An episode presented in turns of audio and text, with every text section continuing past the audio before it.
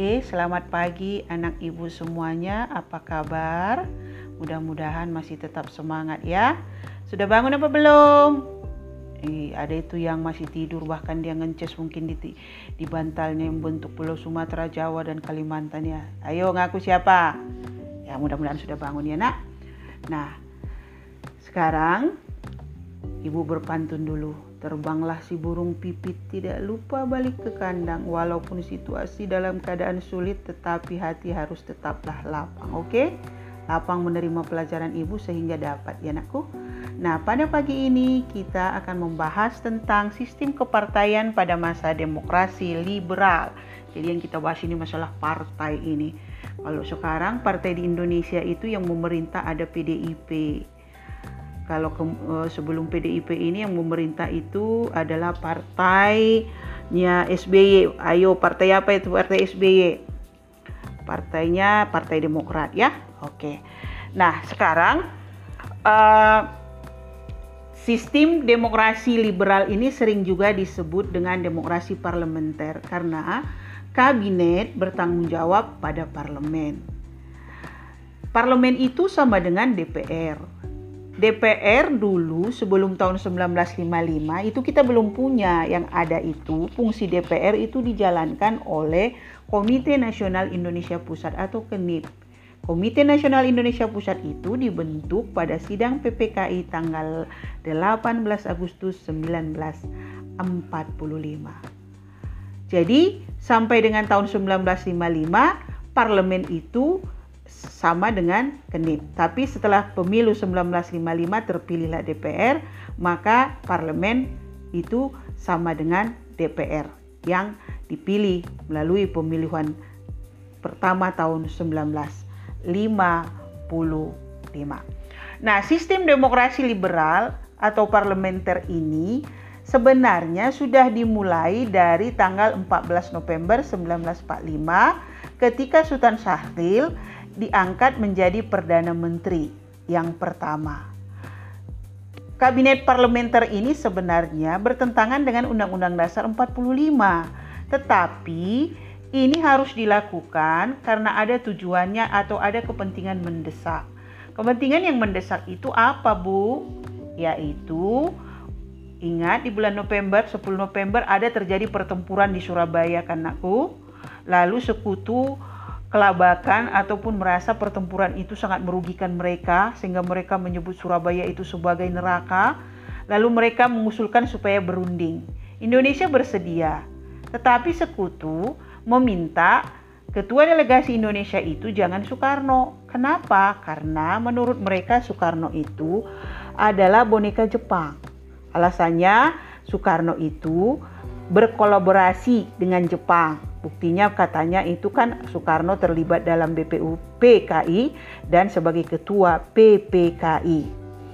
Nah, supaya perundingan ini bisa berjalan, maka Soekarno memikirkan bentuk pemerintahan yang yang bisa dipakai saat itu di mana ada satu tokoh yang untuk menghadapi sekutu dalam perundingan dan ada satu tokoh untuk menyatukan seluruh rakyat Indonesia berarti harus ada dua pemimpin pemimpin itulah yang kemudian sesuai dengan parlementer di mana ada perdana menteri, ada presiden. Sahril menghadapi sekutu, Soekarno sebagai presiden bertugas ke dalam yaitu menyatukan seluruh masyarakat Indonesia karena figur Soekarno saat itu belum bisa digantikan oleh siapa pun. Nah, maka dimulailah 14 November 1945 sistem pemerintahan parlementer. Tetapi dalam pembahasan dalam sejarah di kelas 3 biasanya demokrasi liberal itu selalu mereka buat cakupan waktunya 1950 sampai 1959. Karena mungkin di situ yang banyak sekali peristiwa dan ciri-ciri yang menunjukkan liberal itu ada di tahun itu. Misalnya pergantian kabinet yang terus-menerus, banyak partai dan segala macam. Maka yang dibahas di sini dari 1950 sampai 1959 ya nak.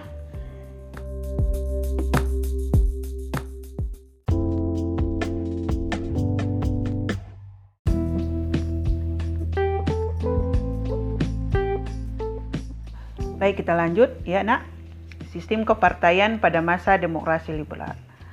Kita ingat waktu pelajaran di kelas 2 atau di kelas 11 kan ada sidang-sidang PPKI. Salah satu sidang yang ketiga itu tanggal 23 Agustus 1945. Soekarno lalu mengusulkan agar PNI atau Partai Nasional Indonesia itu ditetapkan sebagai partai tunggal. Tapi usulan ini tidak diterima oleh beberapa tokoh termasuk Muhammad Hatta. Alasan mereka menolak begini. Jika ada satu partai berarti negara itu bukanlah negara demokrasi. Bisa saja dia ditu, ditu, dianggap atau dituding sebagai negara pasis atau negara komunis. Nah, untuk menghindari tuduhan itu, maka Tokoh-tokoh nasional seperti Hatta mengusulkan agar pemerintah mengizinkan atau memberi keleluasaan kepada masyarakat untuk mendirikan partai-partai. Karena ciri negara demokrasi adalah harus ada lebih dari satu partai.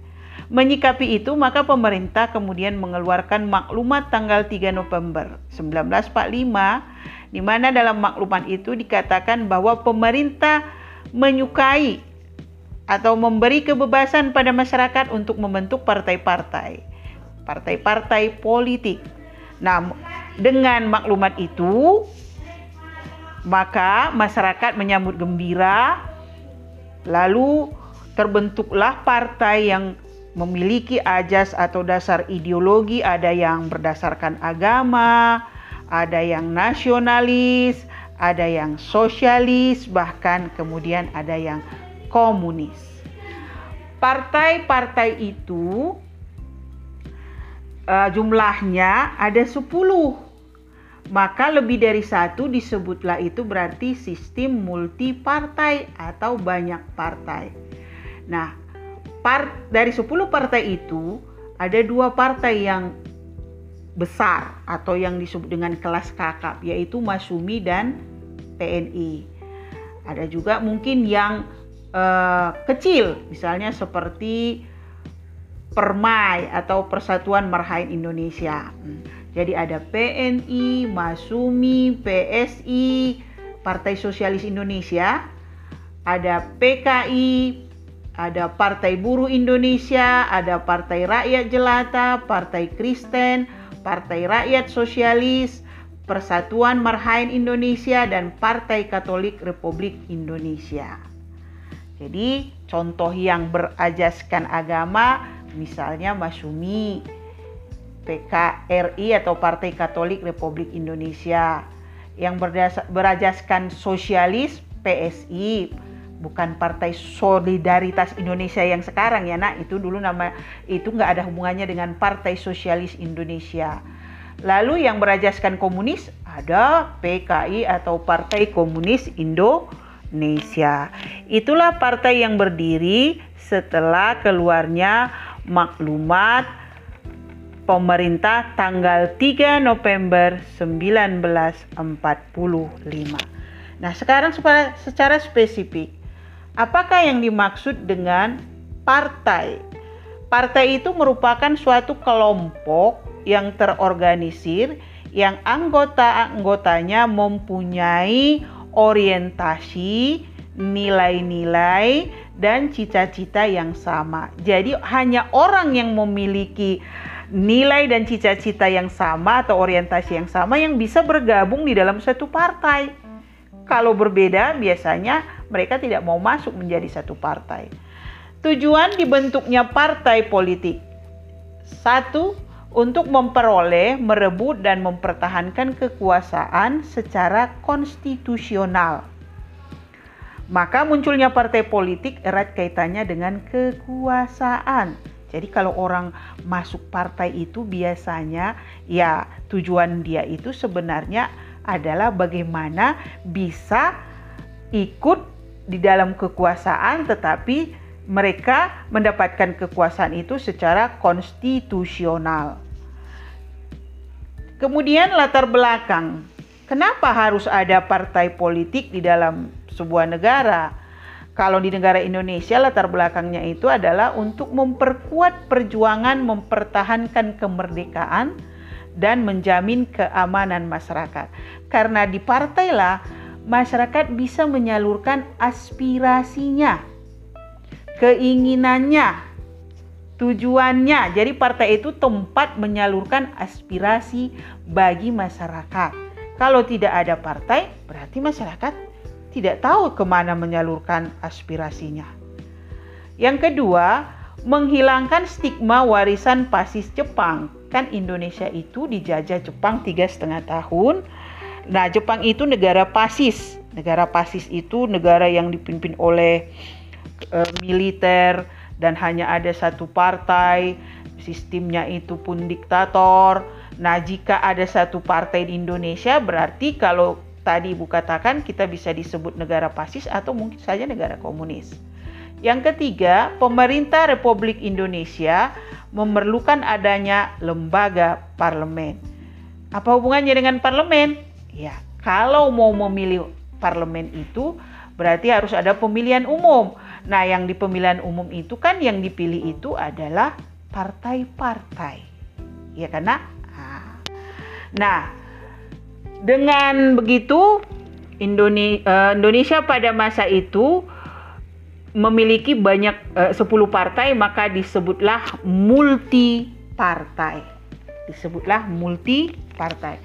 Sedangkan kalau menurut Muhammad Hatta Muhammad Hatta uh, mengatakan bahwa pembentukan partai politik itu agar memudahkan dalam mengontrol perjuangan lebih lanjut. Hatta juga menyebutkan bahwa pembentukan partai politik ini bertujuan untuk mudah mengukur kekuatan dan perjuangan kita dan untuk mempermudah meminta tanggung jawab kepada pemimpin-pemimpin barisan perjuangan. Itu kalau kata Muhammad Hatta. Nah, kenyataannya sistem multipartai justru membuat kondisi politik di Indonesia sering terjadi kekacauan. Kenapa bisa? Karena maksudnya kekacauan di situ adalah kekacauan politik, ya nakku. Karena setiap partai berusaha untuk memegang pemerintahan hingga yang terjadi pergantian kabinet pada demokrasi liberal itu terjadi terus-menerus. Bayangkan dari tahun 1950 sampai 1959, 9 tahun ya kan? Ada tujuh kabinet yang memerintah.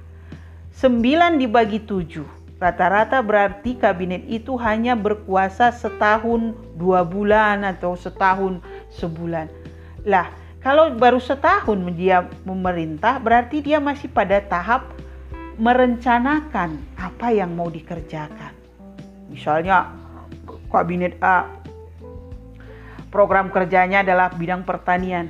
Baru mau menyediakan alat pertanian cangkol, bajak dan lahan udah digu, udah kemudian jatuh. Digantikan oleh kabinet B. Program dia itu adalah bidang perikanan. Baru, baru masih mau membuat jala, sampan sudah diganti. Nah, siapa yang mengganti itu? Ini sebenarnya adalah peker, uh, pekerjaan dari parlemen. Misalnya, parlemen itu kan terdiri dari kumpulan dari beberapa partai. Parlemen di situ tadi kan ibu sebutkan adalah kenip. Nah, jika kumpulan dari partai, misalnya jika Masumi yang memerintah, terus di parlemen itu kan ada 9 uh, 10 partai yang duduk. Lalu ada yang jadi oposisi, ada yang nggak suka dengan program kerja Masumi, maka oposisi ini akan berusaha menjatuhkan kabinet. Itu di dengan cara mosi tidak percaya. Nah, jika kabinet itu jatuh, lalu bagaimana berikutnya? Itu jabatan ataupun e, kekuasaan akan diserahkan ke tangan presiden. Lalu presidenlah yang akan menunjuk perdana siapa yang akan jadi perdana menteri. Biasanya yang ditunjuk itu dari ketua-ketua partai. Nanti baru setahun berkuasa atau memerintah Nah, dicari-carilah kesalahannya oleh oposisi yang duduk di parlemen, lalu dijatuhkan lagi. Jadi besarnya kekuasaan parlemen yang di mana parlemen bisa menjatuhkan kabinet menyebabkan salah satu atau menjadi salah satu penyebab sering terjadinya pergantian kabinet pada masa demokrasi liberal. Nah, jika kabinet berganti terus, ya tentu program kerjanya tidak akan berjalan. Kalau program kerja tidak berjalan, rakyat menjadi tidak percaya. Rakyat menjadi gelisah, rakyat menjadi marah, maka terjadilah kekacauan bahkan pemberontakan-pemberontakan pada saat itu atau yang dikenal dengan terjadi terjadilah di situ uh, berkurangnya atau uh, kepercayaan masyarakat. Muncullah misalnya pemberontakan yang terkenal pada saat itu adalah PRRI Permesta di mana nanti dimulai dari uh, munculnya dewan-dewan di berbagai provinsi ya karena uh, ini karena ketidakpercayaan masyarakat terhadap pemerintah. Nah, melihat kondisi ini nanti maka Presiden Soekarno mencari solusi untuk membangun kehidupan politik Indonesia yang akhirnya nanti membawa Indonesia dari sistem demokrasi liberal menjadi demokrasi terpimpin, yaitu dengan keluarnya dekrit Presiden 5 Juli 1959, Indonesia kembali ke bentuk presidentil, demokrasinya bukan lagi liberal tetapi demokrasi terpimpin. Nah.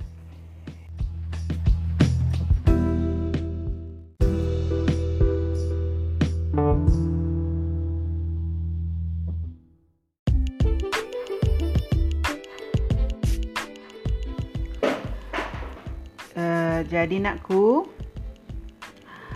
masa demokrasi liberal kita menganut sistem multipartai, tetapi multipartai ini ternyata membawa dampak yang tidak baik bagi negara bagi rakyat Indonesia karena pada masa demokrasi liberal ini sering terjadi pergantian kabinet yang disebabkan karena besarnya kekuasaan parlemen di mana parlemen bisa menjatuhi, menjatuhkan maksudnya mosi tidak percaya kepada kabinet.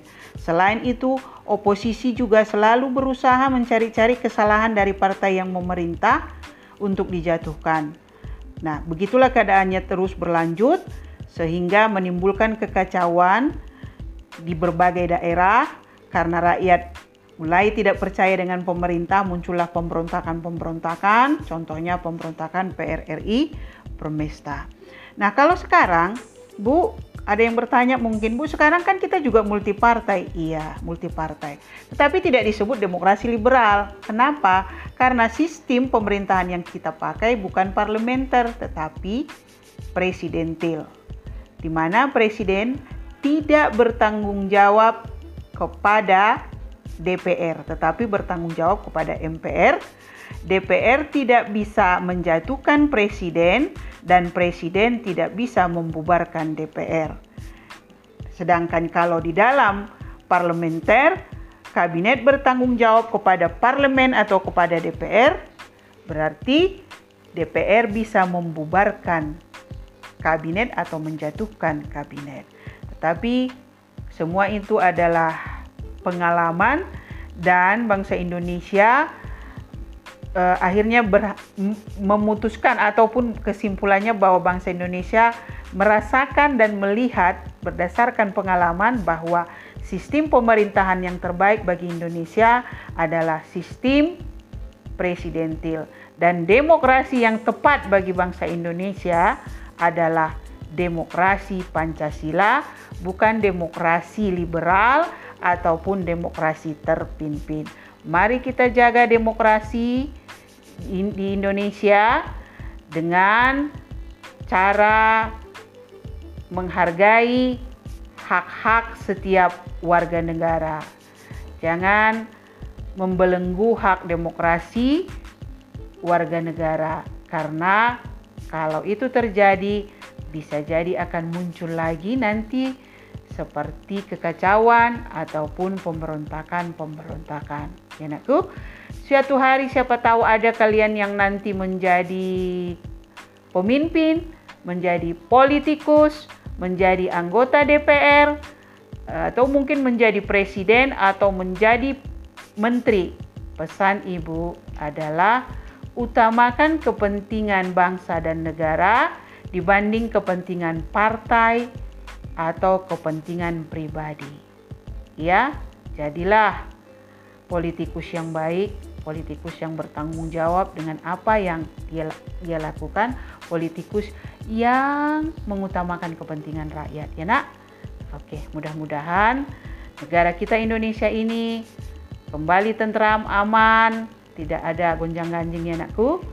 Sekian dan terima kasih. Tapi ada pesan ibu yang terakhir supaya kalian cari dulu nanti di rumah teks lagu Ade Irma Suryani satu yang kedua teks lagu perjuangan yaitu lagu Butet dari Tapanuli dan lagu Erkata Bedil dari Karo nanti ibu akan ajarkan kita nyanyikan bersama itu termasuk bagian dari pelajaran kita dua minggu yang lewat yaitu meneladani tokoh tokoh nasional atau tokoh perjuangan bangsa ya. Oke, sekian terima kasih.